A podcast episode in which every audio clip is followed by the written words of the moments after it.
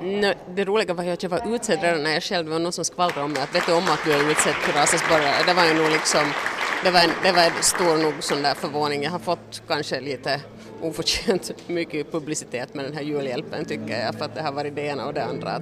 Men det är klart att det är jätteroligt. Det är jätteroligt att folk har märkt det. Vad tycker du själv att har gett dig mest liksom, med det här arbetet? Alltså det, det mesta ger ju nog, det som jag brukar säga att det är just då när den dagen som du ger ut de här julgåvorna åt de här familjerna det är då som det liksom, den, den stunden, den, den tiden liksom så gör det värt det liksom. Ja.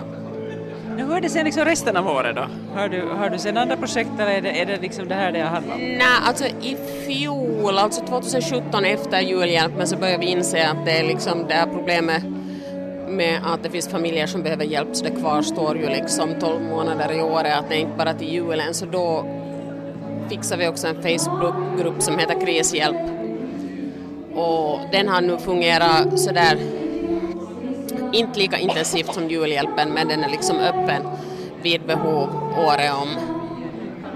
Vad tycker du om den här tillställningen? Det var en sån här gala. Ja, det, det är jätte, det är liksom, den är sådär passligt liksom intim ändå. Jag är inte riktigt själv sån här, ska vi säga, för stora sociala evenemang så att det här, det här passar mig. Att, vad är man när man är en raseborgare? Hur skulle du beskriva det epitetet eller det, den, den identiteten ska vi säga?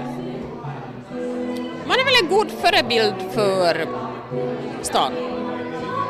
Någon som verkar för att göra stan bättre än vad den är. Behövs det? Ja. Men raseborgare jämfört med andra människor från andra håll då? Jag menar om, om man tar en sån här average raseborgare. Oj, nu frågar du lite fel person där för att jag är liksom inflyttad raseborgare.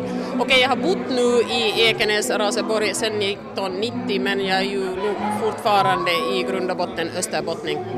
Så att äh, frågan kanske inte riktigt kom till rätt person. Så att, äh, ja, en raseborgare, vad ska vi säga, en ursprungsrasborgare är kanske en hemskt försiktig person. Menar du det? Österbottningarna är inte lika rädda om sin egen integritet som raseborgarna.